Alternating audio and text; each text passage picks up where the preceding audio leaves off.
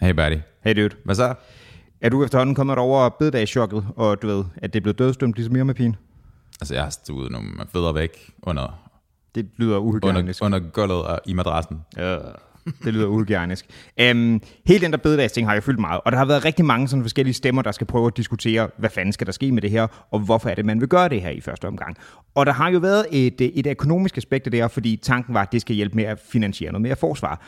Og det er måske en lille smule over vores pay grade i forhold til vores økonomiske viden, så derfor så skal vi øh, snakke med en ekspert i dag, der faktisk ved noget. Og vi skal snakke med øh, den infamøse Peach Melba-toge, som øh, efter to afsnit er kommet for at hente sin Peach Melba, og også en lille smule for at fortælle os om, hvad fanden sker der der. Fordi han er økonom, og han sidder til dagligt i Skatteministeriet, og øh, selvom han måske ikke har været talknuser på den her, så ved han noget mere om det, end vi gør. Så han skal fortælle os om nogle af de overvejelser, der har været omkring det, nogle af de øh, problemstillinger, der har været i hele den her beregning, for der er rigtig mange ting, man må gå ud fra, når man skal prøve at regne på noget af den her størrelse, og især med ting, der er sådan lidt, hvad kan der komme til at ske? Øh, han skal også fortælle os om store, hvad hedder det, beregningsmodeller generelt. Han skal fortælle os om, hvad pokker øh, Gini koefficienten er, øh, og så skal han fortælle os om, hvad nogle af de sådan underlige forspørgsel, man kan få fra borgere er, når man sidder og skal regne på sådan nogle ting her i et ministerie. Og den store lommeregner, bro. Og den helt store lomregner. Skal vi gøre det? Ja, mand.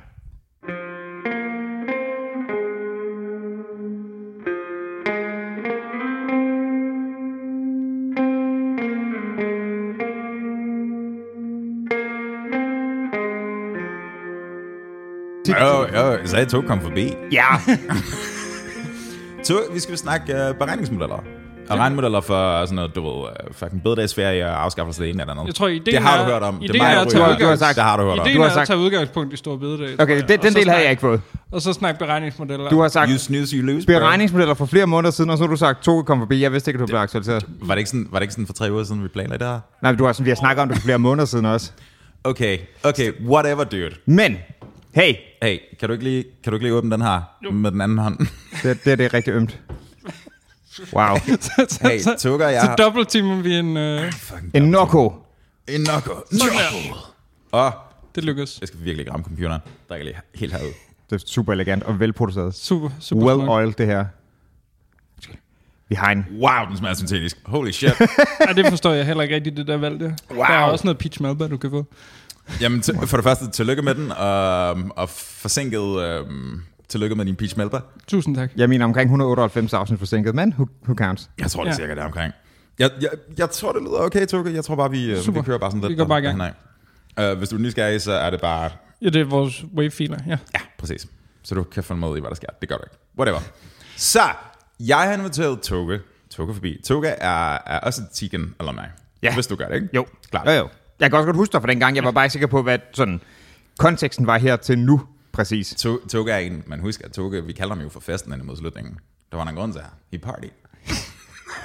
Det kunne I, også mine, være- I mine unge dage. I din Det kunne også være et navn, hvis det var, fordi han var røvkedelig. Ja. Oh, det kunne nej, også nej, være sådan en backhanded compliment. Ja, det var sådan det. Og det er jo Festen. festen. festen. Ved, du, ved du, hvordan Toge og jeg mødtes? Var det til en fest? Uh, efter En, træk, en trekant, en trekant, en trekant. Ikke? Ej, hvis vi tæller, hvor mange er der i Dream Theater? Nej, og det, det, var ikke engang, det var ikke engang en trekant af bands. Det var, var der fire bands den aften? Der var, der, ja, det, mm, Progressive yes. Nation 2000 og 8-9 stykker, tror Okay, jeg, vi jeg er sætter lige scenen. Jeg sætter lige scenen. Jeg er på vej tilbage til Tikken fra Islands Brygge Metro klokken om natten. Klokken Mhm. mm-hmm. sådan 1, 2 eller sådan noget. Um, og jeg er lidt fuld, og jeg har været afsted med, jeg tror det var Bækker på Egen, i, um, i KB-hallen. KB Hallen, ja. KB-hallen. Inden den brændte. Inden, inden den brændte. Inden den fucking brændte ned. Ja, Back in the day. back in the day. Det sagde. Uh, jeg har siddet hjemme hos Bækkeren på den og drukket nogle øl, og så tog vi afsted. Og det var kun, det var kun han og jeg, og vi skulle se primært Opeth egentlig. Fordi Mhm. mm-hmm. det var Opeth og uh, Dream Theater. Dream Theater, og, og så var der Big Elf. Big Elf. Åh, oh, det var godt husket. Og så var der et band mere. P- Pain, nej, ikke Pain of Invasion. Nej, der var, jeg tror, der var et fjerde band. Nej, det er også lige meget. Jeg synes, historien falder til jorden nu, det fjerde Men band. jeg, jeg kunne godt genkende dig i metroen var, det, på vej hjem fra, fra KB-hallen, så jeg har siddet sådan, så vi har lige været, vi er begge to på vej til Tikken, vi har begge to været til den samme koncert, det var en super fed koncert. Skal, skal jeg gå over, skal jeg gå over og snakke med ham? Kan det være, fordi han er tre meter høj og langhåret? Ja, præcis. Jeg, tør ikke at gå hen og snakke. Det var på det tidspunkt, var jeg endnu mere langhåret. Det kom sådan helt ned til røven. I know. Det var sådan, ja, det var super sjovt, fordi jeg, sådan, jeg, jeg kan ikke huske, om jeg vidste, hvem du var i forvejen. Men det var bare, det var så sjovt. Åh, oh, backhanded. Fordi, det kunne jeg ikke huske. Ej, var nej. sådan, det var, du, vi var ikke begyndt at hænge ud på det tidspunkt. Nej, nej. Um, Det var heller ikke sindssygt lang tid efter, jeg flyttede ind. Right. Den, så ja, men, men så sidder jeg sådan og, altså, går jeg over dem, og, og så tror jeg, vi, vi ender, ender med at gå hjem mod kollegiet, hvor der er sådan for Det- kort afstand til, at det er for akavet ikke at snakke sammen. Det, er jo- muligvis på grund af mig. det, hvis jeg havde været en lille kvinde, ikke, så havde jeg været ret nervøs. Du kommer bagfra på den der sti, og der er mørkt, og du er fuld, og jeg er lidt tipsy. Men så er det bare sådan, hey, hvad synes du om Patricia? Hvor var det en af banene? Det var, Det var- det var guitaristen i Okay. Theater. Altså, der er en mulighed for, at Patricia har set Mitchell i crowden og tænkt, jeg kopierer en til en hans look. Er det, er- han, mellem den tid, vi var til den koncert, og til nu, der er han blevet sådan, hvad er han blevet til? Sådan Odin eller sådan noget? han er blevet halvt, halvt bjørn. Han er ikke sådan- sådan tre fjerdedel bjørn. Han er, sådan, han er bare, han er, han er sådan en guitar-virtuos, han er sådan en guitarist-guitarist, mest i, sådan i starten af de fleste guitaristers sådan, du ved, spilkarriere, fordi han er så vild. Han er sådan, han er sådan totalt mekanisk vild. Mm-hmm. Um, spiller sindssygt hurtigt, langt hår, har spillet i det her sådan progressive metalband, som har rødder helt tilbage i 80'erne, ikke? Ja, ja. Um, hvor, Er det, er det guitaristen i Opeth, eller hvad? Ej, det er gitarristen i Dream Theater, Dream det Theater. Dream måske også lige øh, forklares. Og, klart, altså, han er meget mere end bare sådan en... Øh, han er en institution. En, ja, men det er også, at altså, jeg synes, han kan noget mere end bare at spille hurtigt. Han har noget Ja, ja, tone, ja, ja. og sådan, altså, det, ja, han, kan- han, kan- han, han, han kan ret mange ting. det kunne vi også nørde Det kunne vi også nørde meget længe. Fordi ja. at Ja, lad os lade være har- med Toga har en enorm dyb viden om sådan obskur progressive rockbands. Altså sådan, jeg, jeg lærte, jeg lærte, jeg tror jeg hørte om Gentle Giant, enten fra dig eller fra min ekskæreste. jeg havde min øh, Gentle Giant t-shirt på i går. Jeg elsker den t-shirt. Jeg synes, jeg, I skal være velkommen til det der spor. Jeg kan lave mad eller sådan noget imens, hvis det er, fordi der er sådan... Der er, Aha. Anyways, så det var der, jeg mødte Toga. Um, og du ved, vi har festet, det var ret meget i barudvalget, ikke? Du var ikke Jo, hinanden at kende. bagudvalget, caféudvalget, musikudvalget. Ja, jeg, ja, altså, alt jeg levede hele, hele mit studieliv på Titgen, og så også lidt på studiet. Ja, selvfølgelig. Og så har vi, vi har været ude at rejse en, hvad, tre gange siden? Ja. Tre gange? Med The, ikke Expendables, men The Expandables. Expandables. De er alle sammen blevet dad, undtagen mig. Hmm. Du, Vi andre har rent faktisk udvidet. I har progreret som ind du, har bare, du har bare bulket i stedet for. I har bare Og nu, det, nå ja, nu tænker jeg avl, men også sådan øh, vægt, vægtmæssigt. Ej, det har du måske også, men det er måske lidt mere muskler, end patter, andre, der bare er dad butt. Dead butt. ja, ja, jeg har et billede af os. Jeg tror også, det ligger på en Spotify-playlist eller andet sted. Af os to i de der fucking um, expandable t-shirts. På en båd, vi fik lavet t-shirts. Åh, oh, gud. Um, hvad var mit navn? Tinkerbell? Ja, Tinkerbell, og du var hvad? det har jeg faktisk, det har jeg faktisk glemt. De var super fede. De Øh, var gold super digger, fede. gold digger. Gold digger, det er Ja. rigtigt. Hvad? Man kan ikke se det der, dude. Lame Nå, Nå. go on. Du har- Ej, det de var var også... Øh, det var, det var også en tid, hvor det var okay at lave t-shirts til ture, tror jeg. Ja. Jeg ved ikke, om det nogensinde har været okay, men det føltes okay på det tidspunkt. Jeg ved stadig, jeg, jeg ved ikke, om jeg har min stadig. Jeg har min- stadigvæk min. Jeg tror måske, jeg har en. Um, anyways, tiden gik. Uh, vi var ude at rejse, alt det der tam tam. Du, du, du har jo læst økonomi, right? Ja, på øh, Københavns, øh, Københavns Universitet. Ikke, ikke på øh, Handelshøjskolen. Right. Men, øh, Så godt. Rigtigt universitet, ikke en højskole. ja, det er Så præcis. Præcis. Så godt. Ikke, ikke ligesom den er, nogle af handelshøjskolerne, polytekniske højskoler, hvad der ellers er. Um, Det er DTU. Det, det. Anled, anledningen til, at vi har inviteret dig forbi, udover at øh, jeg skyldte dig Peach Malvar i 200 afsnit, um, du, du laver modeller. Du laver beregningsmodeller. Og her skal vi lige have ved, at det der, det kan lyde sådan... Ja, da. Det kan lyde lidt psykopatagtigt, og det kan også lyde som... om- Ja, det er godt, du selv får i beregning, for det kan også lyde som, om han er sådan en lidt en som ingeniør, der bygger robotter, man kan knæppe. Men det var ikke det, du mente. Det er du mener, nogle meget kedelige nu, man kan ikke knippe mine modeller. Kun hvis du er- spiller 70'er Brock. Ja, så kan, man, så, kan, så kan man måske godt. Ej, det, det, det så, øh, så øh, rocket science er det heller ikke, at jeg bygger øh, computer, der kan alt muligt. Men jeg bygger modeller, der kan regne ting. Hvad, hvad, er din, hvad er din tekniske, altså hvad er din, hvad, hvad er din stilling? Jeg er specialkonsulent i Skatteministeriet nu. Jeg har, jeg har ni år på banen i centraladministrationen i forskellige ministerier, i Økonomiministeriet og Finansministeriet og Skatteministeriet må, må, jeg, må jeg spørge om noget, som er af reel interesse, og det skal ikke lyde backhanded, men specialkonsulent, det lyder ekstremt arbitrært. Altså, det, det er meget ja, ja, til er bare, Hvad ja, ligger ja, der? Altså, men jeg tror også, det giver heller ikke rigtig mening for andre end folk. Der er ligesom sådan, der er en eller anden form for progressionstrin, ikke? Man kommer ind og starter som fuldmægtig, som er ligesom, altså, som på meget fint engelsk hedder head of section, Mhm. mm-hmm. hvor den section, man er mest head of, det er ens eget skrivebord. øh, Det er ikke verdens største section. Nej, ikke præcis. sådan Og så bliver man så, så bliver man så specialkonsulent, og så bliver man så chefkonsulent. Mhm. Mm-hmm. Øh, så det er sådan, øh, det er ikke junior, det er heller ikke senior. Det er, Sophomore. det er ja, sophomore. Det er okay. lige der midt imellem. Sophomore konsulent. Men, men, okay, så hvad gør du ud på? Fordi at jeg, jeg har skrevet frem og tilbage nogle gange, hvor du, du har givet udtryk for, at der er meget på arbejde, fordi I er i gang med at beregne et eller andet. Og jeg er bare sådan, hvad er det for en lommeregner, jeg bruger? Hvordan, uh, hvordan ser det ud? Så jeg har, jeg har arbejdet mest med registerdata i den tid, jeg har været i centraladministrationen, som er alle de der store registre, som Danmarks Statistik har med oplysninger om os på baggrund af CPR-systemet, hvor vi basically, altså jeg har sådan set adgang til, hvad alle er uddannet som, hvad deres indkomst er, alt muligt, men det er så på øh, CPR-nummer, som ligesom er scrambled, som er sådan ganget og plusset og minuset med, med en eller anden særlig kode, så man vil, medmindre man kender den kode, ligesom ikke kan finde folk frem igen. Så er det anonymiseret. Så det er anonymiseret. Så du kan ikke slå mig op. Jeg kan ikke slå dig op. Men hvis man har den kode, så er du GDPR's svage punkt. Ja, ja, det kan man også argumentere for. Eller hvis du arbejder i Danmarks Statistik, hvor de ligesom kan tilgå det rå data. Ikke? Øh, men på baggrund af alle de der oplysninger, kan man jo regne alt øh, på sådan individniveau. Øh, og det jeg tidligere har beskæftiget mig med, har været meget sådan øh, indkomst- og ulighedsanalyser. Mm-hmm. Og det jeg sidder med lige nu er øh, registerdata på ejendomsniveau, fordi jeg sidder og regner ejendomsskatter. Okay. Så hvad sker der? Altså, en eller anden kommer over til dig, og så siger den, hey Toge, du skal lave en model for det her. Ja, altså for eksempel den model, jeg sidder som ligesom er mit lille, lille barn, som jeg har startet med, der, der havde man ikke en model for øh, grundskylden, som er sådan cirka 30 milliarder kroner, staten får ind årligt, eller kommunerne teknisk set får ind årligt, så man ligesom manglede en eller anden form for besvarelse af, hvad hvis vi ændrer et eller andet? Hvad har det så af betydning for kommunernes finanser? Når du siger grundskyld, er det, er det, er det gæld i, altså grundejer? Er det det, der Det er, det er den skat, du betaler for den jord, ejendommen står yes. på. Så jeg har, jeg ejer et hus, der betaler jeg noget grundskyld for mm. det, min jord er værd. Super. Hmm. Øhm, og der havde man ligesom ikke en model til at finde ud af, jamen hvad hvis, øh, hvad hvis man vil gøre sommerhusgrunden, tror jeg faktisk, en af, en af udgangspunkterne var, at sommerhusgrunden skal ikke betale grundskyld.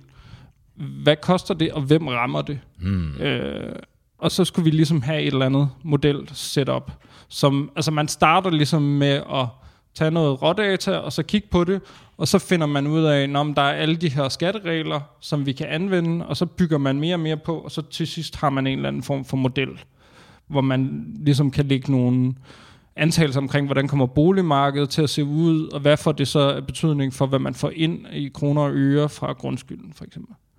Så Øhm. hvilket, altså, du sagde det der med, at du har, du har adgang til, godt nok er det scrambled data, men du har adgang til uddannelsesniveau, økonomi, indtjening. Jamen, jeg har jo, altså, på register på individniveau har jeg jo adgang til sindssygt meget, som vi bruger i alle mulige andre henseende. Altså, der er mange registermodeller. Sådan den, den helt store er bare den, vi kalder skattemodellen, som er sådan en form for personskattemodel, som er sådan, jamen, hvad hvis vi ændrer øh, bundskatten, eller altså, hvad hvis vi ændrer nogle fradrag? Hvad får det så betydning? Hvad har det betydning for Gini-koefficienten? Hvad har det betydning for arbejdsudbuddet? Alt sådan noget. Hmm. Øhm, og det kan man lave altså, meget exceptionelt i, i Danmark, og ikke særlig mange andre steder, fordi vi har et CPR-system, og vi har ret god registerdata. Hmm. Altså, når man snakker om sådan ulighed og indkomstforskel i verden, for eksempel, så er det jo spørgeskemaundersøgelse baseret det meste af det. Altså i resten af Øh, verden. Ja, Right. Øh, altså Ah. i USA har de sådan nogle censuses, hvor de ringer op til folk og ligesom prøver at stykke noget data på baggrund af det, eller få folk til at udfylde et eller andet, som de skal sende ind. Ikke? Øhm, Er det der med CPR-systemet, altså hvor unikt er det? ret unikt. Altså det, det er jo noget, som altså startede hvad, i slut 60'erne, 70'erne, øh, og så som ligesom er blevet bygget ovenpå, og så fordi vi har det setup, vi har, så øh, har myndighederne en masse oplysninger, øh, og så er de ligesom meget, de er ligesom ude hos Danmarks Statistik, som ligesom står for at, at indsamle fra myndigheder, fra virksomheder og sådan noget. Hmm. Øhm, Har man ikke noget parallelt i andre dele af Norden? jo, du har, altså Sverige og Norge har lidt, øh, som, som sådan man ligesom har udbygget, men altså jeg tror, jeg tror vi er sådan ret langt foran øh, stadigvæk, men altså jeg tror vi har ligesom, man har efterhånden hentet ind på os i Norden, men altså det er jo stadigvæk sådan, når, når folk, når, det er derfor, når der bliver lavet rigtig mange undersøgelser af indkomstdata og alt muligt, så tager det rigtig tit udgangspunkt i danske data, fordi vi bare har det bedste data til at lave det på. Hmm. Altså resten af verden baserer deres beregninger Jamen, hvis du, hvis du skal lave et eller andet studie, hvor du skal vide, hvad har din øh, uddannelse af betydning for din løn, eller sådan noget, så kan du vælge at bruge noget amerikansk census data, hvor du spørgeskema baserer det hele. Du har en meget mindre population, og du er heller ikke helt sikker på, om de svar, folk afgiver, mm. er de rigtige, mm. og er der noget galt med den population? Altså er der nogle særlige folk, der svarer på det spørgeskema, og andre, der ikke gør? Øh, hvor vi så i Danmark har den fulde population med nogle data, du rent faktisk tror på. Er der, er der nogen, altså det, det, du er ikke, hvad skal vi sige, du arbejder ikke for CPR-registeret, så ej, du ved, jeg beder dig ikke om at forsvare det, men er der, er der nogle udfordringer forbundet med, at vi har så meget data knyttet til det? Altså det, det er der jo helt sikkert. Altså, jeg tror, der er, der er jo, det er jo ikke alle, der er super glade for, at, øh, at der findes så mange oplysninger tilgængelige. Og man kan jo sige, meget af det er jo...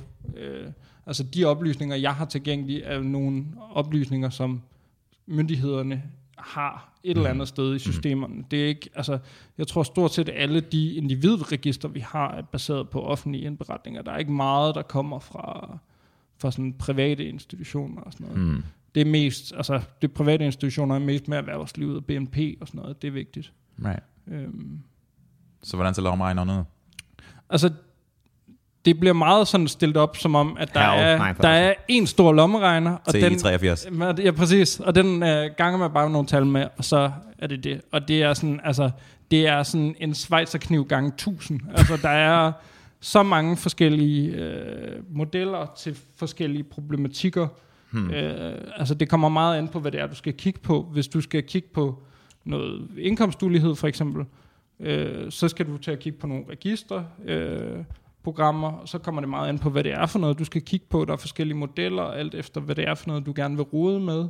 Øh, Men jeg kan slet ikke se det for mig. Altså er det en, er det en, er det en, en kæmpe stor forkrummet ligning?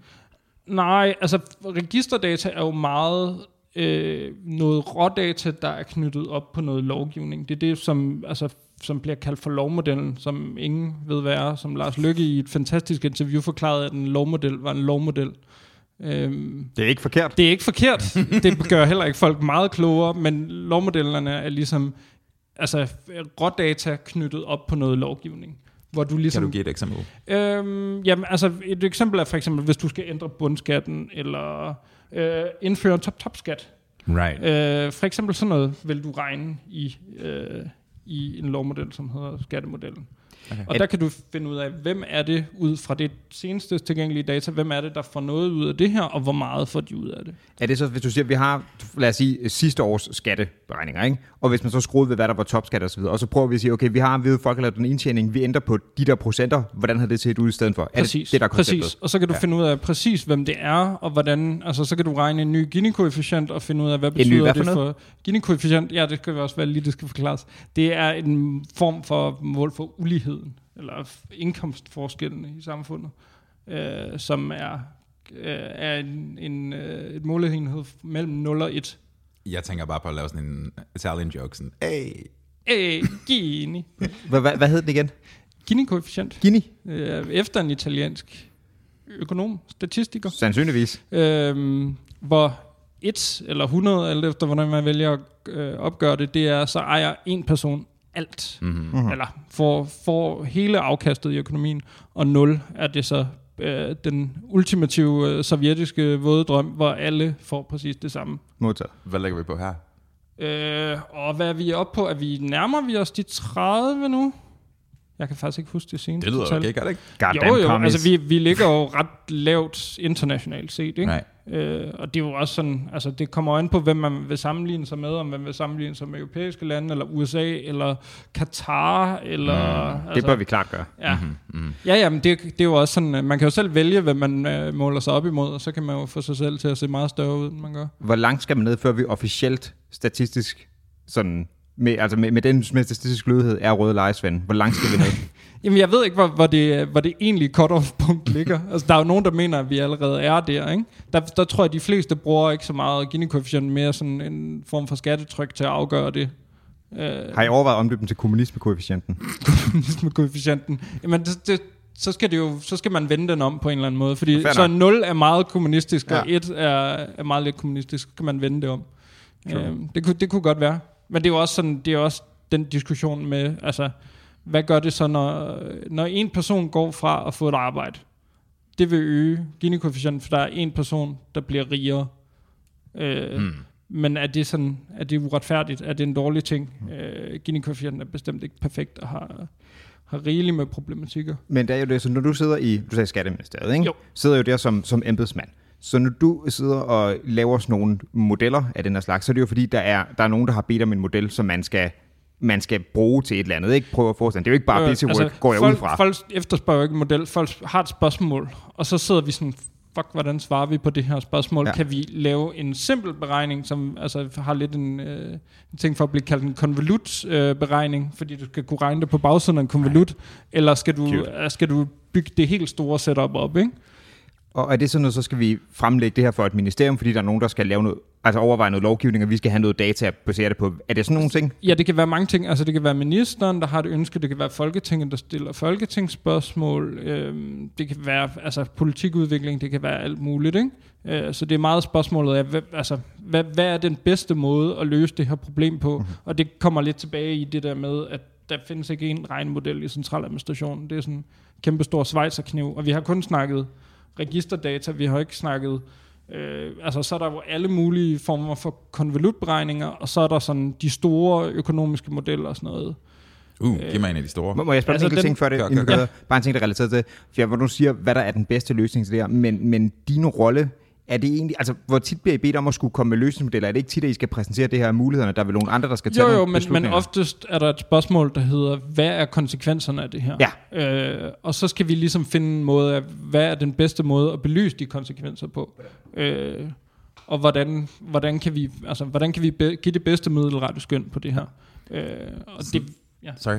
Re- Rent lavpraktisk. Altså, når, du, når Folketinget kan stille et spørgsmål, skatteministeren kan stille et spørgsmål, hv- hvem andre kan gøre det? Kan Jamen, man bare banke på og sige, hey, altså, det, du kan jo godt skrive borgerbrev til ministeren. Vi skriver Øh, et borgerbrev. Altså i gamle dage brugte du ikke borgerbrev. Der kom du, og så satte du der, jeg tror det var om onsdagen, og så var det bare sådan en stor hilsedag på ministeren, og så, så var det ligesom bare, så kom man, og så sad man der ind til ministeren havde tid. Ej, der må være nogle sindssygt irriterende typer. Det er der derfor, det er derfor der er sådan, øh, hvad fanden er det, er det ikke de der øh, gamle gasolin-sange, hvor, hvor Kim Larsen siger, så en dag gik jeg op til ministeren og sagde, altså det er jo de gamle øh, 70'er, 60'er ting, hvor folk sådan, de vil gerne lige fortælle ministeren et par ord, et par borgere. et par borgerlige ord, eller, eller socialistiske.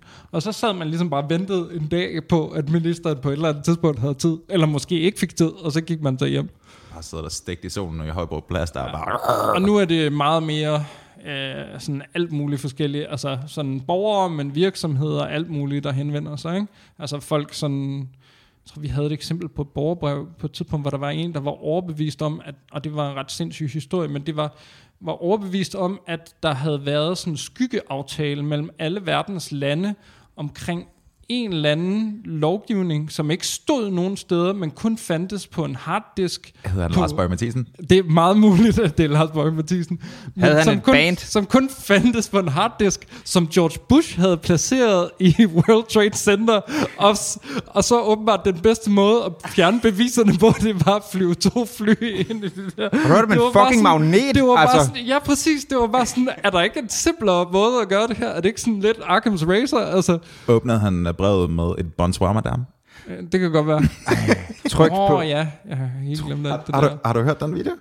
Har du hørt den optræden? Nej, nej. La- Lars Nå, har han... han har et coverband, et unikt coverband, der spiller uh, Hey Jude, hvor han bare sådan riffer henover det, og det hedder Mathis Massat. Ej. Du skal se nogle videoer bagefter. De kan, du kan lege dem til det. Hvad er din næste gang, du skal holde en fest? Og så tænker du, at jeg gerne vil have Lars Bøge Mathisen Oh my ud. god, når du fylder 40, ikke? De kan lejes for 10.000 på 123 festmusik. Altså, I shit you not. Altså det rare er jo, at man skal, nogle gange så er man lidt presset på, om der er sådan, hvor mange gæster kommer der, hvor meget toilet har, øh, toiletkapacitet har man. Det er ikke et problem med Lars Bøge Mathisen, han har selv blæer med. Ja, that's Er det, Hvad skal jeg så også? Altså, hvis jeg skider bukseren, Ja. hvad Hvad så, hvis jeg skider i bukserne? Skal jeg... Det er også en- affører? men det er også en dedikeret musiker, ikke? Altså det, jeg tænker, de stiller sig op i blæ, fordi det er bare sådan, nu, nu spiller vi en øh, fem timers jam session, og hvis vi skal på toilettet, så gør vi det bare lige her på scenen. Der er noget, der er godt. Han, han, var sådan, han fik fysisk ondt af at se den video. Nej, det tror jeg, jeg bliver nødt til. Den Eller der det ting med skulderbladene, der kommer helt op under ørerne. Åh, ja, det er rigtig godt. Okay, så bare lige for at afrunde det med spørgsmålene. Når der bliver stillet, så bliver der stillet i formen, hvad er konsekvenserne ved, vi for eksempel fjerner stor bededag, for eksempel. Ja, for eksempel. Right. Og så, skal I bare, så er det bare sådan, et, good luck, besvar det. Jamen, altså, så, så tænker man jo allerførst over sådan, har vi tidligere besvaret noget, der minder om det her? Fordi der er ingen grund til at genopfinde den dybe tallerken. Så Right. hvis der er nogen, der har lavet, og så kigger man selvfølgelig, hvad er der blevet lavet senere, giver det stadigvæk mening at gøre det på den her måde? Så når man har taget det her, og de om et år nakkeskyder lang fredag, så er I bare sådan, vi har allerede kigget på det. Det bliver skide godt. Jamen, altså, fordi det er jo sådan set et officielt, hvis du har svaret Folketinget noget tidligere før på den måde, så er det jo stadigvæk et officielt svar, og så, altså, Mhm. mm-hmm. så hvis man ændrer sin beregningsmetode, så skal man jo også kunne stå på mål for det. Hmm. Øhm, så er det så lige, om alle kan huske, at man for x antal år siden oversendt det her svar beregnet på den her måde, ikke? og det er jo, altså, det er jo ikke altid, det lige bliver fanget. Får I ofte lov til at skrive sådan lidt spyd til en minister? Se vores mail fra dato, og så skal de tjekke jeg lortet tror selv. virkelig, vi gør det sådan, vi gør det utrolig meget lidt spydigt, øh, embedsmændene, og hvis der lige kommer noget SAS indover, så er det helt sikkert ministeren. Hvordan kommer Og- SAS Nå, men det er bare sådan, altså, hvor, hvor man skal kaste noget politisk shade, hvor, altså, hvor vi sådan, vi, vi ved nok godt, hvad det er, ministeren vil sige til det her spørgsmål, og vi, sådan, vi svarer jo fyldskørende, og så vil ministeren nogle gange gerne lige, øh, altså nogle gange vil de bare gerne sådan, det skal bare være fagligt, og så sender vi det afsted. Nogle gange vil de gerne lige kommentere det på en eller anden måde, ikke? Hvad med dig selv? Eller noget i den retning. Øhm, SAS, bro. Sådan lidt politisk sass i bagvejen. Okay, men altså, hvis, hvis du har mod på det, og mm, du ved, hvis, i det omfang, du selvfølgelig må tale om det, videre, der blev stillet det spørgsmål i forbindelse med Stor Bededag. Hvordan gik I i gang? Altså, jeg har, jeg har så ikke, det skal jeg måske lige forklare, jeg har, jeg har ikke været med til, jeg har ikke været med til at regne det. Jeg, jeg sad ikke i Finansministeriet, og det er heller ikke den del af Finansministeriet, jeg sad i, der var med til at regne det. Men ideen er, at der, der har været et ønske under regeringsforhandlingerne med at kunne finansiere nogle øgede forsvarsudgifter. Hmm. Så skulle man finde nogle penge. Der er sådan en ret gammel øh, sådan, øh, afstøvet ting i Finansministeriet om, at man kunne arbejde 8 minutter mere, hvis, nej 12 minutter mere, hvis I kan huske den fra, hvad var det, det hed, hed det færre løsning, som Torning var ude med. Det er sådan lidt... Det blev sådan helt skudt ned. Ja, ja, det er lidt det samme af det her på en eller anden måde. Altså om du mister en, en helligdag, eller om du bare skal blive på arbejdet lidt længere. Altså mm. det, det ryger lidt op i det samme. Mm. Men det var også, Torningsregeringens tilgang var anderledes, fordi der sprakkede man det ligesom ind til arbejdsmarkedets parter. Hvad med I lige fandt ud af noget, eller det her, og så blev det ikke rigtigt til noget. Hvor regeringsforslag er så anderledes, hvor man ligesom lovgiver sig helt udenom mm. arbejdsmarkedets parter. Ikke? Mm-hmm. Men det man så ligesom har kigget på, det er til at starte med, hvad har vi gjort tidligere? Right. Og der har man så haft øh, flere beregninger tidligere, hvor man har udviklet noget i forbindelse med, nu skal jeg lige huske... Oh my god, han tager slides frem. Han tager slides frem. Ja, præcis. Der er, det skal sige, der er, der er overheads live i studiet lige nu. Det der, nej. Der var Arbejdsmarkedskommissionen i 2009, hvor man, hvor man regnede på noget der. Og der har man ligesom taget de metoder, man brugte dengang, og støvet af og opdateret. Øh, og det hviler ligesom på to grundlæggende ting. Det er, dels du får noget løn ud af at arbejde noget mere. Mm-hmm. Det giver jo med bare sig selv, skulle man tro, men det er jo sådan, hvis du ligesom, altså, hvis der ikke er noget tilbageløb fra fagforeninger og alt muligt, så er den umiddelbare virkning jo bare, at jamen så, hvis du er månedslønnet, bliver du en, så bliver du bare en dag mere på arbejdet, og så får du egentlig det samme ind. Mm-hmm. Men det, jeg tvivler på, at, sådan, at øh, arbejdsmodstageren ligesom bare tænker, at det er fint. Det, jeg skulle alligevel ikke noget den dag. Jeg, skal, jeg kommer her jo egentlig bare for sjov. Man kan Ja. sige, at de timelønnede, de, altså, de stempler jo ind, og er der nogle flere timer, så de vil blive automatisk få nogle mere ud af det. Men Altså de facto for en person, som er på månedsløn, vil det være en, Ja. For eksempel- en forringelse, ikke? Jo, hvis, hvis de så ikke skulle øh, få noget mere. Så, så det er ligesom en af antagelserne. Og så er det så spørgsmålet, som er ligesom den store diskussion i det her, som er den anden del af antagelsen, hvor mange vil så rent faktisk Right. arbejde en dag mere. Øh, og der var en historie uden i går om, at man tidligere, og det, var, det blev virkelig kringlet fremsat af Jyllandsposten, men at man tidligere har haft en antagelse på, jeg tror at 62 procent vil arbejde en dag øh, mere. Det kommer fra et gammelt folketingssvar. Men hvad laver de resterende 38 procent så? Jamen, de, de vælger så at holde fri, ikke? Enten ved at, ved at, ved at, ligesom at sådan betale for fridagen selv, eller hvis man har mulighed for det, eller at det er en eller anden form for aftale, der bliver forhandlet af, øh, af de faglige organisationer, ikke? Okay. Øhm, og det der så, som, som de nyeste beregninger ligger på, med at man har opdateret, det siger så, at det, det opdaterede tal ligger så på 75 procent. Så man regner med, at 3 ud af 4 vil arbejde den der ekstra? Ja. Right. øh, ja, eller hvad skal man sige, er fuldtidsbeskæftiget, så er, hvad skal man sige, er, hvis du har 100% af timerne bliver forøget, så er det kun 75 af timerne, der vil realisere sig. Ikke? Right. Øhm, og det, det er så det store diskussion, det er omkring, er det der tal realistisk? Kommer, Altså- det til, kommer det rent faktisk til at give den mængde output, man... Præcis. Right. Altså ved, ved, ved øh, 75 procent møde ind på arbejde den dag. Eller ved det, altså, en ting er, hvad de selv kan forhandle sig til, men vil de faglige organisationer ligesom forhandle sig til en fridag. Mm-hmm. Øh, og det er ligesom den store diskussion i det. Og altså det, som Finansministeriet ligesom læner sig op af, det er, at der er en eller anden form for normvirkning. Måske lidt ondt kaldt en eller anden form for lemme, lemmingevirkning. Altså hvis du har en arbejdstid, som er sådan normfastsat, så er det ligesom den, du indretter dig efter. Mm-hmm. Og der har de ligesom bare kunne se på, på registerdata blandt andet, øh, og nationalregnskabsdata, at når, øh, og det er så måske en vigtig pointe, at man har reduceret arbejdstimerne over tid. Vi arbejder ikke 40 timer længere, nu arbejder vi 37, og der har været en masse justeringer af arbejdstiden. Og der har de præsterede timer ikke fulgt en til en med. Der er nogen, der, har, der, er nogen, der ikke er gået ned Hmm. fra 40 til 37, for eksempel. Men er der i det der data både sådan månedslønfolk og folk, der er timeregistreret ja. og selvstændige? Yes, og, præcis. Øh, og, altså det, det skal så nok øh, nævnes, at de selvstændige vil jo ikke rigtig blive omfattet af det her, Nej. fordi de, altså, Mm. de, de er jo deres øh, egen bare ikke arbejdsgiver, så de har bare fri.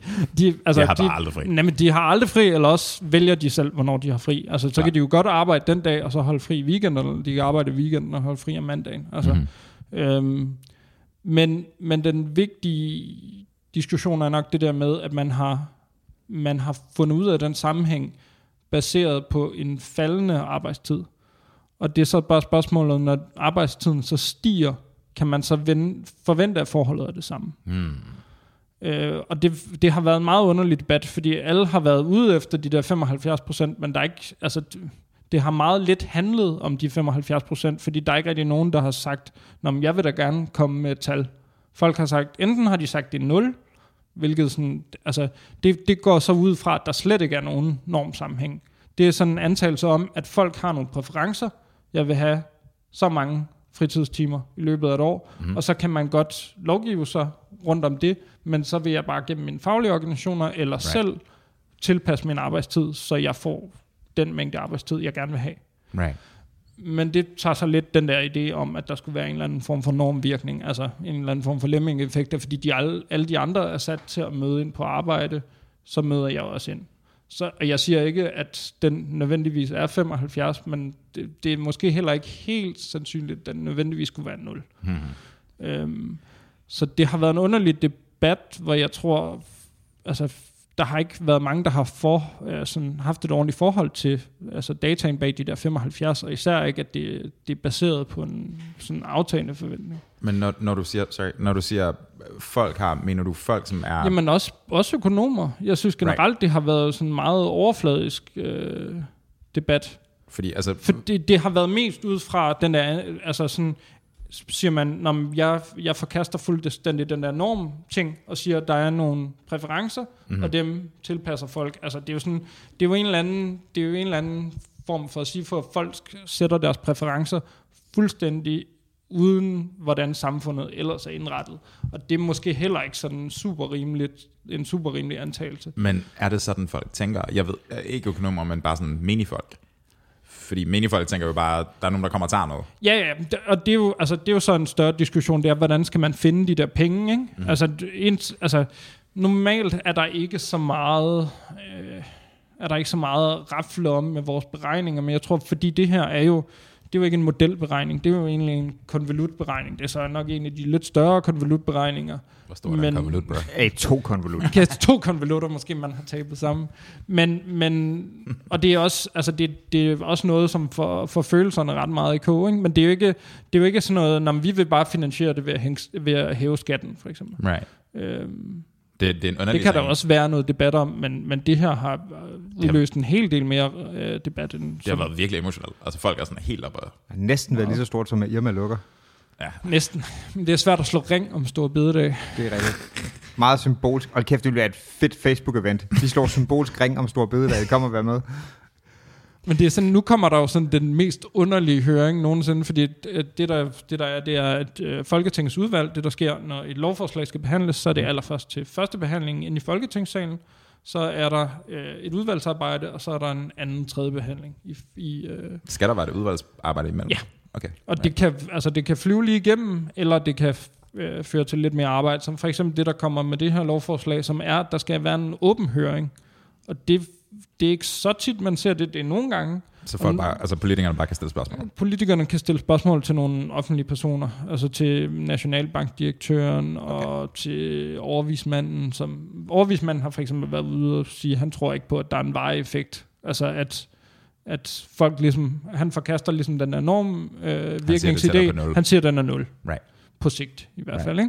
Ikke? Øhm, og altså, og nu kommer der sådan en åben høring, hvor økonomerne skal høres, og kirken skal høres, og de faglige Stor organisationer bededag. skal høres. Jamen det er det. Altså det bliver sådan, det bliver virkelig en underlig høring, fordi det bliver sådan, altså alle har jo en holdning til det her, ikke? Øhm, Forestil dig en biskop, der er bare sådan, nej. Jeg skal være hjemme og bøde stort den der dag. var også virkelig mange biskopper, der prøvede sådan at handle med sådan en anden påskedag. Kan I ikke tage den her i stedet for? Vi overgår ikke mere påske på det tidspunkt. Var der det? Ja, Ej, ja. fedt. Fordi han var sådan, der er ikke nogen, der kommer i kirken anden påskedag. Folk har været i kirken i, i en hel uge streg. Ja, fordi vi That's holder fucking funny. fri. Altså, det er Ja, jo det er that's, Fucking funny. that's great. Det er det virkelig, virkelig shitty version af et Pokémon-kort. Ja, eller bare Jamen, det bygge var også bare sådan, de, de kunne godt se, der skulle ske et eller andet, og så var de bare sådan, så tag den her. Øhm, Så, okay, så lad os sige, den, det er anden høring, nej, undskyld, det er anden behandling, der kommer. ja, det er først udvandsbehandling, og så anden behandling, ikke? Right. Øh, og det er først tredje behandling, som er øh, Den hvad hedder det, finalized. finalized, hvor der bliver afstemt, ikke? Klart. Spicy. Så I får stillet, en, eller folk, der bliver stillet til den her åbne høring, en bunke spørgsmål. Og så nogle af dem kommer formentlig til at afle en eller anden form for sådan, hvad hvis vi gør sådan? Spørgsmål, ja, ikke? altså, altså, man må nok forestille sig, at udvalgsarbejde, det er allerede røget i udvalg, så der kommer nogle spørgsmål til ministeren, hvor, som er offentligt tilgængelige, hvis man går ind og forvilder sig ind på Folketingets hjemmeside og gerne vil læse sådan nogle ting, så kan man læse, hvad har øh, udvalget af spørgsmål direkte til ministeren. Og den åbne høring kommer så til at være eksperter, som er altså overvismanden og Nationalbankdirektøren. Altså na- Nationalbankdirektøren har støttet op om de 75%, overvismanden har sagt, øh, jeg tror mere på 0. Hmm. Øhm, Men det er så i så forbindelse med noget udvalgsarbejde, der, der kommer nogle spørgsmål. Det er sådan noget, sådan nogle, sådan nogle som dig kan blive sat i gang, præcis. for at hjælpe med at svare på Ja, nogle af de her spørgsmål, ikke? Og, og så kan det være, altså alle mulige former for data, vi bliver bedt om at give, det kan vel være, altså helt lavpraktisk noget, hvad er jeres bedste skud på, hvor meget omsætning der vil skabe? Øhm, Altså, det vil give mening i hvert fald, hvis der kom et spørgsmål omkring de der 75 procent, kan I ikke uddybe noget mere, hvor de Ja. ja. kommer fra. Så skal, altså, så skal de jo ligesom, det som man ligesom har lavet i Excel, eller hvad man har lavet det i, eller et eller andet regressionsprogram, hvor de ligesom har prøvet at køre en sammenhæng, det skal du skrive et notat omkring, som kan sendes over til, til beskæftigelsesudvalget, tror jeg det er, der behandler det her lovforslag. Hvordan ser det notat ud? Altså en sådan rapport-agtig? I, er en konvolut. Altså, eller, eller det her. Okay, Okay, right. Så har du en, nu har jeg lige hævet et faktaark omkring Oh god, øh, der er Finansministeriets... mother. der er en lille Ja, det var handout. slides. Det Ah, var, shit. Altså det, det er jo virkelig noget særligt, fordi der var en sådan baggrundsbriefing i Finansministeriet om vurderingen af effekten af at afskaffe en hel idé. Øh, og det er jo også sådan meget særligt, at man hiver økonomer ind til at have en diskussion omkring regneprincipperne. Øh, altså sådan, sådan mere sådan, det her, det er sådan, vi har regnet det her. Hmm. Og det er jo bare fordi, det har, altså, det har fyldt rigtig meget, og det har haft store følelser, og der har været meget diskussion omkring, øh, regnemetoderne på det, ikke? Og så er det jo sådan, at ligesom at hive folk ind, hvad er det helt præcis, vi har gjort. Så det lyder, det, for det første, det er, sådan, det, det er overvældende, hvor kompleks den her proces er mm. egentlig, ikke? fordi det er sådan lidt, man, Altså man, lovgivningsprocessen eller beregningsprocessen. begge, at der er sådan den her interaktion med, at en eller anden siger sådan, nu skal stå bedre dag væk, eller fordi vi skal finansiere noget forsvarsudgifter, det ene eller andet, mm. og så kommer der hele den her proces som konsekvens Præcis. det. Jamen altså lovgivningsprocessen er jo, er jo relativt kompleks. Ikke? Altså for, for det her, fordi der er noget juridisk, der skal være på plads med, at lovene ligesom skal udformes på en særlig måde, så, øh, så er der nogle konsekvensberegninger, og det skal ligesom, altså det skal indgå i et større regnestykke, hvor mange, hvor mange penge har man til at knolde, øh, snolde øh, tanks og kampfly for. Klart. Øhm, og, og altså der, er det, det, det hænger jo ligesom sammen det hele, og det er jo langstrakt forløb, fordi der skal jo tre, tre, for, øh, tre hvad hedder det, behandlinger igennem i Nej. Nej. Folketinget, og det skal ligesom, det skal godkendes i, i det eget ministerie, det skal i høring, og ja, det er, en, det er en omfattende proces at sende lovforslag igennem, og altså, også stemme det igennem. Det er jo også, altså, det er jo også for politikerne, og det er jo også meget arbejde. Klart. Øh, fordi det er jo altså nødvendigt, hvad hedder det, jeg tror, jeg, da jeg læste lovforslaget, eller læste det, jeg skimmede det igennem, det fyldte kun 25 sider, hvilket er meget lidt i lovforslag sammenhæng, fordi du har, du har selve lovteksten, som normalt aldrig rigtig fylder særlig meget. Mm-hmm. Det, der fylder, det er forklaringen af, øh, hvad betyder det her, når det bliver implementeret, og sådan noget, som sådan en form for læsevejledning. Som også er Øhm. juridisk hvad, vejledende? Ja, en Right. juridisk vejledning på en Right. måde. Det, det er ligesom ministeriets juridiske bemærkninger, ikke? Right, right. Øhm, Har I en, har I en mekanisme, som, du ved, en eller anden sætter sig for at beregne et eller andet. Det, det kan være grundskyld, det kan være i forhold til stor bededag og så videre. Og kommer med en eller anden beregning og siger, at vi forventer, at de her, de her ting vil ske som mm. konsekvens af det her. Har I en, sådan en, en post-mortem-agtig ordning, altså hvor I kigger på, hvad I forudså, og hvordan det rent faktisk blev? Nå, Post-mortem. altså når... Ja, okay, jamen, jeg, for, jeg forstår, hvad du mener. eller En eller anden, altså, hvor man Hvorfor- ligesom vender tilbage og siger... hvor man ligesom vender tilbage og siger... døde. Godt. Ja, en postmortem undersøgelse. Jamen, Mhm. mm-hmm. ja, okay, men det du tænker på, det er, nu siger vi, det her kommer til at ske. Nu Præcis. vender vi tilbage. Men det er jo også meget, altså de her antagelser, vi regner under, hviler jo meget på en forudsætning om, der er ingenting, der ændrer sig. Mhm. Mm-hmm. Der er ingen, der bliver øh, syge, og derfor skal gå ned i arbejdstid. Der er ingen, der får lyst til at arbejde mere eller mindre. Det, altså samfundet er, som samfundet er lige nu. Øh, så derfor vil du aldrig kunne lave den undersøgelse, fordi så skal du ligesom, du skal, det eneste du skal ændre på samfundet, det er, at du skal hoppe til en parallel dimension, hvor øh, det eneste forskel mellem det her univers og det andet univers, det er at stå bededag er afskaffet. Og så skal du ligesom Sure. måle, om tingene så passer. Men er der ikke, en, er der ikke et, et, et ønske fra, altså hvis ikke, hvis ikke i selve ministeriet, så i hvert fald dem, der ligesom bedre om de her beregninger, om at, altså kan I verificere jeres Ja, data? ja, helt sikkert. Altså, vi, der, er vi vil jo altid kigge på, når der så er data tilgængeligt, det er der jo oftest med et lag, så det er sådan, lad os sige, vi afskaffer stor bededag fra 24, så har vi måske data i 25, Mm-hmm. hvor vi ligesom kan se, hvad, fik vi ret? Altså, right. hvordan, hvordan endte de præsterede timer? Og så er det så igen det der, jamen, øh, tallet endte måske på noget, der ikke var 75. Skyldes det så, at vi tog fejl, eller skyldes det, at der er nogle andre ting, der har ændret sig? Så, så den proces findes faktisk. Ja, ja, ja, ja, og det, altså, der kan man sige, det er jo måske mere en, altså, det er måske mere en universitetsting, øh, hvor du right. laver et større afhandling om, at nu ændrede du det her, hvad fik det af betydning? Men det er klart, at når vi så skulle regne det igen, mm-hmm. hvis man vil fjerne en anden påskedag for eksempel, eller man vil indføre en ny helligdag, jeg ved ikke, hvad man kan finde på, men så vil vi jo tage de Stor Jedi-dag. store Jedi i dag. Lille bededag. Lille bededag, lille bededag, ja. Me- Mellem bededag. Ja. Du må ikke få videre, men du må måske godt holde fri. Øh, men så vil vi ligesom tage og inkorporere ligesom de, de seneste data, vi har set, øh, og for at give et bedre skøn. Altså det er, det er jo meget sådan, det, jeg tror mange af beregningerne og sådan noget, bliver jo meget knyttet op, altså det bliver jo meget ofte hårdt trukket op mellem opposition og regering, med hvor man ligesom prøver at skyde på den siddende minister på baggrund af beregningerne. Men altså, Right. Ja, det er virkelig, jeg, jeg, kan ikke, jeg, jeg er ikke sikker på, om jeg kan komme på et eksempel, hvor, altså, hvor man har taget en minister i, og ja, der har måske været nogen, men der har man, altså hvad har der været med, hvor der har været noget med, at man, åh, men det er meget sådan med opgørelser med altså de, de ministersager, der har, øh, og man har talt usandt over for mm. Folketinget mm. og sådan noget. Altså, jeg har i hvert fald aldrig nogensinde hørt om, at man i hvert fald på det økonomiske område skulle have en minister, der ligesom så, det der tal, kan vi ikke lige gøre det lidt større? Og det er jo, Klart. fordi vi skal jo, altså, vi skal jo kunne forklare hele udviklingen frem til, hvordan vi nåede til det der tal. Øhm, så det er jo sådan, det er jo, altså i sidste ende må ministeren jo ligesom bare æde tal, der er, og sige, okay, men det var, det var det her tal, vi nåede frem til. Så ministeren kan ikke sådan... Sorry.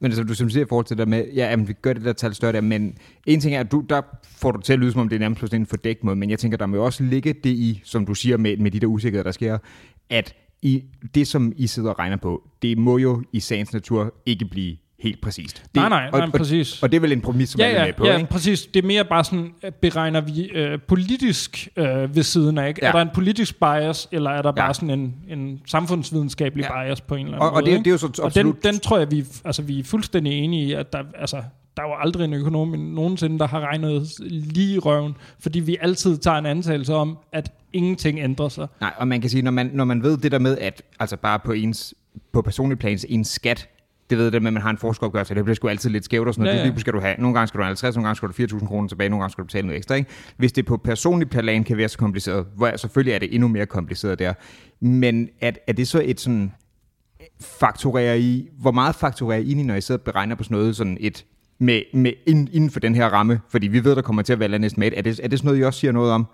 Plus minus 3, 30 millioner? Nå, altså hvor størrelsen af usikkerheden, Ja. Altså så vidt det er muligt, men det er jo bare ikke altid, man kan sætte en eller anden form for konfidensinterval op, men det vi prøver at gøre, det er at komme med et middelretsskøn.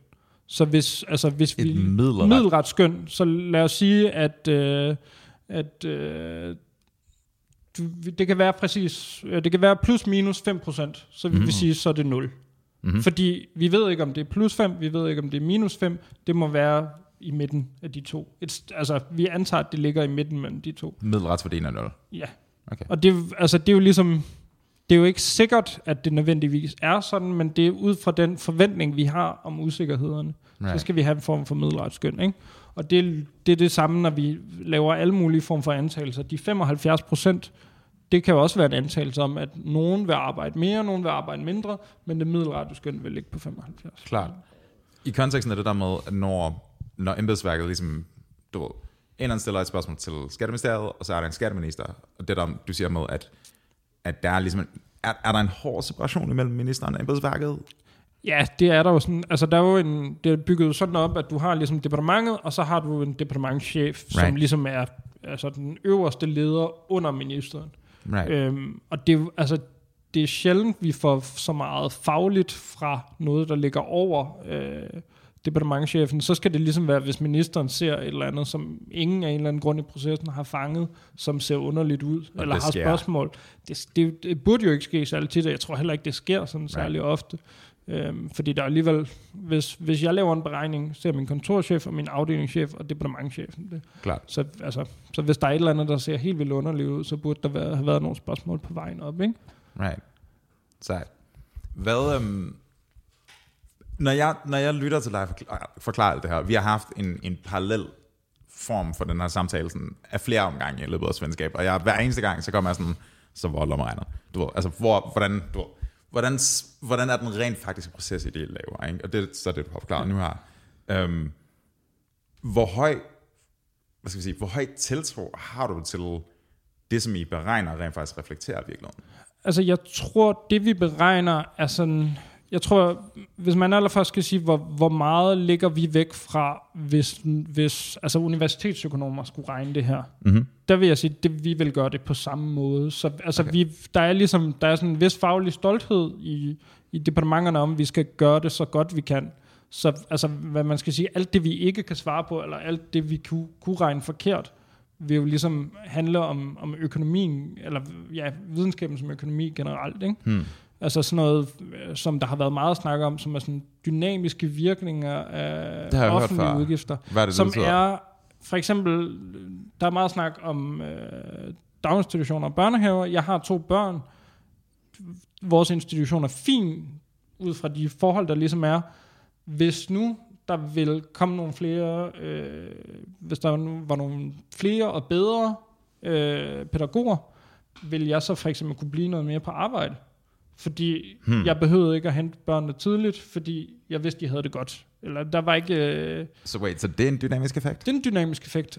Ha, Og okay. den dynamiske effekt har vi ikke med. Og af den simple grund, at vi ved simpelthen ikke, hvad størrelsen er. Og hvordan I skulle måle Og hvordan vi skulle måle den. Det, Klart. ja, hvordan man skal måle den er en ret stor ting. Klart. Og så er det også, altså, og den, den diskussion har før kørt i, i centraladministrationen, hvor meget er det vores pligt at altså, udvikle sådan nogle regnemetoder, og hvor meget skal vi ligesom spille, sige til universitetsverdenen, det her er sådan helt nyt, og altså, øh, vi har ingen idé om, hvor vi skulle starte henne. Vil I prøve at give det et bud? Det virker også som om, at dynamiske effekter kunne være sådan en sådan ret hand-wavy på en eller anden måde. Jamen, altså, det, det er jo sådan... Det er jo ligesom, hvad, hvad har det af betydning for samfundet af, at du får noget bedre ældrepleje, eller noget bedre, øh, nogle bedre øh, og flere pædagoger, ikke? Men betyder det egentlig, egentlig bare, quote unquote, at du ved, hvis vi nu skruede på den her knap, et eller andet, hvilken sådan spillover-effekt vil det have? Altså det kunne være Ja. ja. alt muligt. Det kunne vel også betyde, hvad, øh, altså, hvad, hvad, ville det, hvad ville det betyde for økonomien der, at der åbnede øh, nogle større fabrikker i udkants Danmark? Altså det kan vel være alt muligt mærkeligt, ikke? Hvordan Øh, jo, det sådan, sådan noget ting? kan du også godt have med. Altså, der, det, er jo, det er jo sådan lidt mere... Altså, det, det er svært at ligesom sige, når, hvor meget er det... Altså, hvor meget er det ligesom politik, der bestemmer, hvor der åbner fabrikker henne, og man kan sige, at det der er meget... Øh, altså, der kan du godt sige, når nu er der åbnet så mange øh, fabrikker heroppe, og det har skabt så mange jobs, og hvad har det, altså så kan du lave et eller andet studie, hvad har det påvirkning i lokalsamfundet, mm. eller sådan noget. Men det her er jo mere, altså hvad får man ud af den offentlige sektor ved at ændre størrelsen på den offentlige sektor? Men kan de der dynamiske, hvad var det, du kaldte det, dynamiske? Dynamiske effekter og offentlig service. Men er det kun, er det kun på det offentlige, det går det er på? kun på den Okay. offentlige service også, så det vil sige, det er ikke sådan noget, altså nu er vi ved at bygge en ny øh, tunnel til Tyskland, det vil være en offentlig investering, mm. og det har man lidt mere, altså det har man nogle mere fasttømrede regneprincipper omkring, fordi det kan man godt se, at altså, lastbiler kan komme øh, hurtigere til og fra København ned, øh, ned i Tyskland og videre ud i Europa, ikke? men mere sådan, altså hvad betyder det, at vi har flere bedre ældrepleje, flere bedre øh, pædagoger og sådan noget. Hvad, hvad har det af betydning for vores samfund? Hmm. Det, altså, det har der været meget sådan, debat om, og vi er blevet kaldt for meget, hvad skal man sige, enåret for ikke at have det med. Men det er også sådan, altså vi vil jo, det er jo ikke fordi, vi ikke vil regne på det, men vi, kan jo ikke, vi, vi skal jo ikke bare tænke på et tal. Klart. Og smide det, ind. det er jo ikke et middelret skøn. Du, du, du, Øh, Det her er dit kort.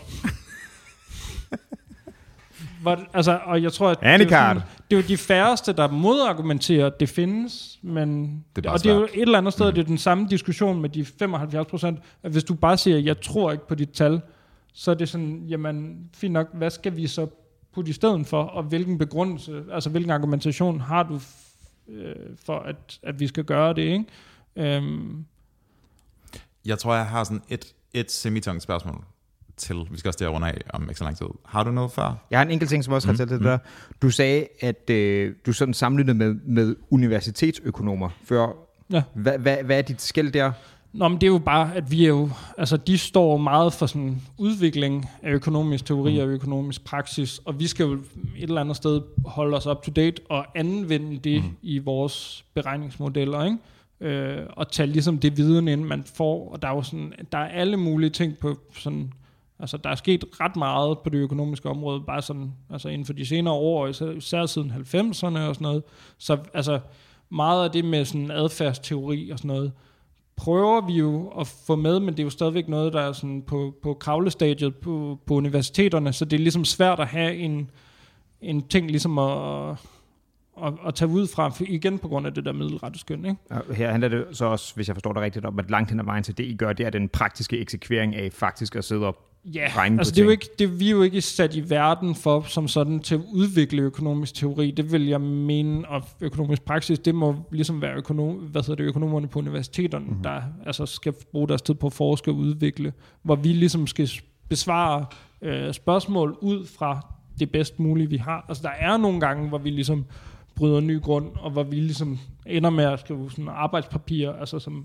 egentlig videnskabelige papirer, på baggrund af det, altså når vi, når vi laver nogle større projekter og sådan noget. Er der, er der, sådan, en, er der sådan en model inden for økonomisk teori lige for tiden, som er sådan bad boy teori? The shit, nej, men der er jo rigtig meget sådan noget adfærdsteori, som er meget sådan, altså meget sådan sta- stadie til at starte med, altså som bare er en eller anden måde at bryde de der med perfekt information, perfekt konkurrence, alle de der ting, som, altså, som stadigvæk, økonomer stadigvæk bliver holdt op mod, at det, det antager vi bare sådan, nej, det, det Klar. gør vi ikke rigtig længere, men vi er så småt og begyndt at modellere noget bedre for det, noget bedre end andre. Right. Øh, men altså, hvad man skal sige, ved sådan øh, hotshot-modeller, så skal det nok være den, som, hvad hedder det, som Dream-gruppen, som er ligesom, de hører under Finansministeriet, men er ligesom, det er sådan lidt Finansministeriet møder øh, Københavns Universitet, med nogen, der er sat til at lave udvikling af modeller, som er de der kæmpe store forkromede modeller for hele, øh, hele Danmark, ikke? Øhm, Den hedder Dream. det hedder gruppen, fordi Hvorfor? det startede med en model, der hedder Dream. Det er, jeg kan ikke huske forkortelsen nu. Økonomer er økonomers våde drøm, det er at stave modeller med noget, der giver mening som, øh, som, Som akronymer. Som, som akronymer. Altså, de, Adam er Annual Danish Aggregated Model. Og så er Det var den, hvis jeg blev økonom, så var det helt klart det, der jeg ville bruge mest tid på. Ja, præcis. Og jeg tror, altså, det, jeg tænker også, der er nogle økonomer, der sidder, vi har en ny model. Den Hvad skal den? Og det, det, der er mest sindssygt, det er den, den model, jeg vil nævne, som var det, som jeg også skrev special om, som er det, der hedder en dynamisk stokastisk generel ligevægtsmodel. Okay, Øh, hold up. En gang til. Jamen, det, er- det, Stop, jeg stop. I tænker, can det, only det get so erect. nørdet Stop, stop, man- variabel hvad? Dynamisk stokastisk generel, generel ligevægtsmodel. Øhm, det, det, højt har, det har Dream udviklet en ny model af, som hedder Makro, M-A-K-R-O, skrevet med store bogstaver. Men det, der forvirrer alle økonomerne, det er, at det står ikke for noget. Der er ikke, de har ikke fundet på, de har ikke fundet på, øh, de har ikke fundet på, hvad det skal stå for endnu. Og folk er sådan, hej, kommer der ikke snart? Hvad, hvad, skal, det, hvad skal det stå for? De må, Ah. I bliver nødt til at, I kan da ikke bare lancere en model, der har store bogstaver, men ikke står Kan for man, når man er fucking rockstar, bro.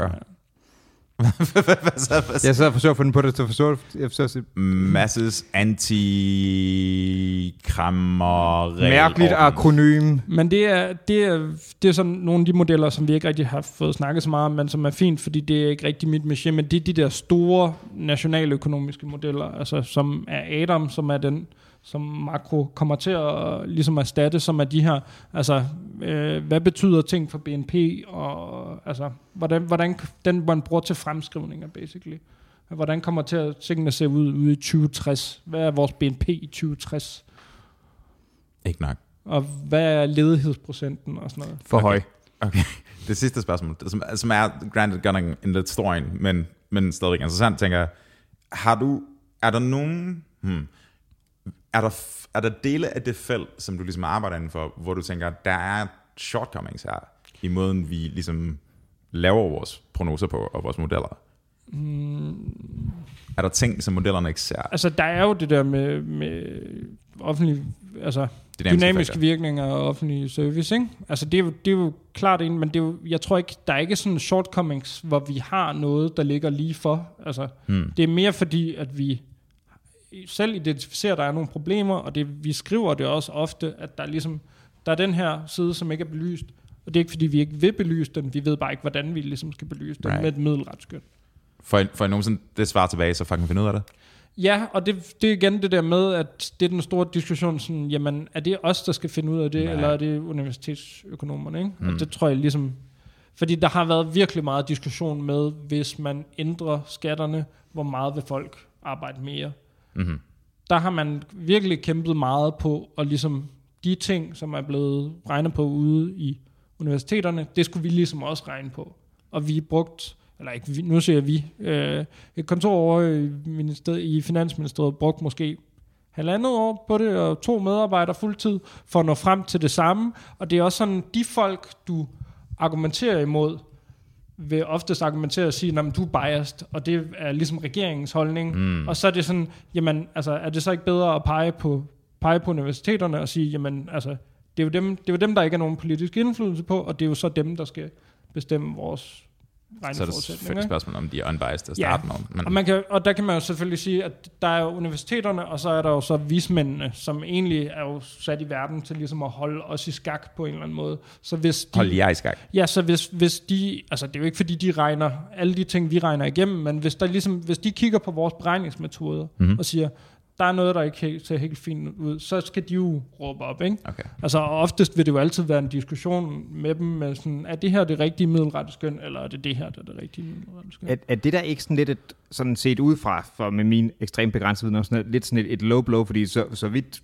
jeg vil sige, så arbejder du ikke for en minister, du arbejder for et ministerium. Nej, jeg arbejder, jeg arbejder helt sikkert for en minister. Okay. Vi er jo ansat til at servicere ministeren. Right, men I er vel ansat i ministeriet uafhængigt af, hvem der er den siddende minister? Ja, ja, det, det er ikke sådan, at der kommer en ny præcis, på den skatteminister, så ja, mister ja, du dit men job. vores arbejde er jo at servicere ministeren. Altså det, det er bare sådan, der er mange, der tror, sådan, vi er ansat i, i ministeriet til at servicere Folketinget. Nej, nej, Folketinget stiller ministeren spørgsmål, som ministeren svarer på, Right. som vi så hjælper ham Right, til. Ikke? men det er jo ikke en minister, Det- der har ansat dig. Nej, nej, nej, nej. Men ja, altså, det det, det, det, det, er den ordning, vi har i Danmark med, at vi ikke har politiske embedsmænd. Ikke? Præcis, og derfor skulle det jo i princippet være upolitisk Ja. ja. også. På nær spindoktor, som så lige er undtagelsen. Ikke? Men, de, men de er så de- meget præcis De, er så, det er så, de jo bliver jo, så snart der bliver udskrevet valg, skal de forlade deres kontor og lade alt arbejdsmæssigt ligge. Ikke? Sæt ild til bygningen på vej ud. Helst inden vi er, når vi andre kan komme ud, vil det være meget rart. Det er jo det er sindssygt interessant. Det fandme også, altså det, kæft, det er stort. Der er det er mange, meget stort, og det er, jo, altså, det er jo mange ministerier, der arbejder med mange forskellige problematikker, som vi ligesom skal prøve at sørge for, at alle er enige i regnemetoderne, så der ikke er nogen, der laver nogle antagelser, som ligger uden for de andre. hvor, hvor øhm, stor er staben i Skatteministeriet? Altså, øh, der arbejder cirka med det samme. 200 medarbejdere måske Okay. i departementet? Okay. Det tror jeg faktisk. Det er jo også, altså det er jo, det er jo så en hel historie for sig selv, men alt det, der er sket i Skatteministeriet, ikke, at der er, jo, der er jo blevet opgraderet ret meget i sådan, dem, der ligesom øh, står mellem kommunikationen mellem styrelserne og mm. øh, skatteministeren, ikke? på baggrund af, af diverse lortesager og sådan noget. Øh, men det er jo ikke så meget det, kan man sige, jeg, jeg er sat i verden for. Det er jo, øh, det er jo meget, hvad skal man sige, det er meget ministeriernes driftsopgaver Right. Som styrelserne varetager. Altså sørge for, at der bliver indkrævet den skat, der skal kræves, og øh, udbetalt den korrekte mængde udbytte, udbytteskat, og ja, Sanjay Shah has entered the chat. præcis. Hvor triggered bliver du, når folk ikke kan finde ud af Excel? Nogle gange lidt tricket. Det, jeg tror, det kommer meget an på, hvor lang tid de bruger på det. Altså, Hvad, um, Men det er sådan, så, så synes man, man så har selv ret godt styr på Excel, og så kommer der nogen og owner en fuldstændig med Jeg- geniale øh, genveje, som man ikke selv kender. Jeg vil gerne love dig, at jeg ikke kommer til at undre Excel. fræk, frække makroer. Um, hvad gør du med den her clips-ting? I, Klip? I Clips-ting? Excel. Clippy? Nå, den der lille... Hvad hed, hed, hed Den hedder Clippy. Clippy, ja ja. Ej, den savner jeg lidt. Men det kom, kom, den, gør ikke, kom, den op, ikke. kom den op i... Den kom der kun op i Word, gjorde den ikke? Kom den ikke op i hele Office? Ja, ja, den kom den nok var, op i hele den var i hvert fald op i, den var op i alt. Clippy. Den var, ret, den var ret sød. Rip. Magic. Man kan helt sikkert downloade den add-on. Rip in peace til Clippy. Og du ved bare, det er malware. Selv hvis den virker, så er Ja, det malware. præcis. Ja. Ja. Jeg var malware til at starte med. Men vil man ikke gerne bare Nej. lidt malware, bare for at, blive, Nej. for at lave noget Bare for arbejde? at have lidt selskab. Bare for, at få, bare for at arbejde i fem minutter, for så at blive forstyrret af Af anden, der fortæller dig om, at du godt kan gemme dit dokument. Jeg ser, at du har siddet og arbejdet i Excel i tre timer. Skal jeg ringe til gå, selvmordslinjen? ud, gå ud i solen. Ja, præcis. Jeg ved, hvor mange amerikanere har skudt deres, sådan, deres computerskærm, fordi den poppede op bare sådan, Fair reaction. fair reaction. Dreng, det var skide hyggeligt. Um, det var, ja, altså, det er første gang, vi har fået slides med, bro. Ja. Det er ret vildt. Ja, altså det har jo ikke alt, hvad jeg har læst, bare for at forberede mig til den store, store bededag-diskussion. Altså, du er... Men, øh, Det, det er ikke alt, Men du har det er læst sådan, mere. ja, ja. og, jeg og det der ikke- ikke, det er mere, end vi har læst. Ja, ja. Jamen, jeg kunne godt... øh, Jeg, det var også sådan... Det var ret uh, loose op til det her, så jeg tænkte, jeg, det var nok meget godt, hvis en kom forberedt. Ja, op, og det var det er meget især, især ham, der mente, der skulle vide noget om det, vi skulle Og du kan være stensikker på, det ikke en af os, så det er rigtig godt. Sådan, hey, my job here is done. uh, det var godt at se jer,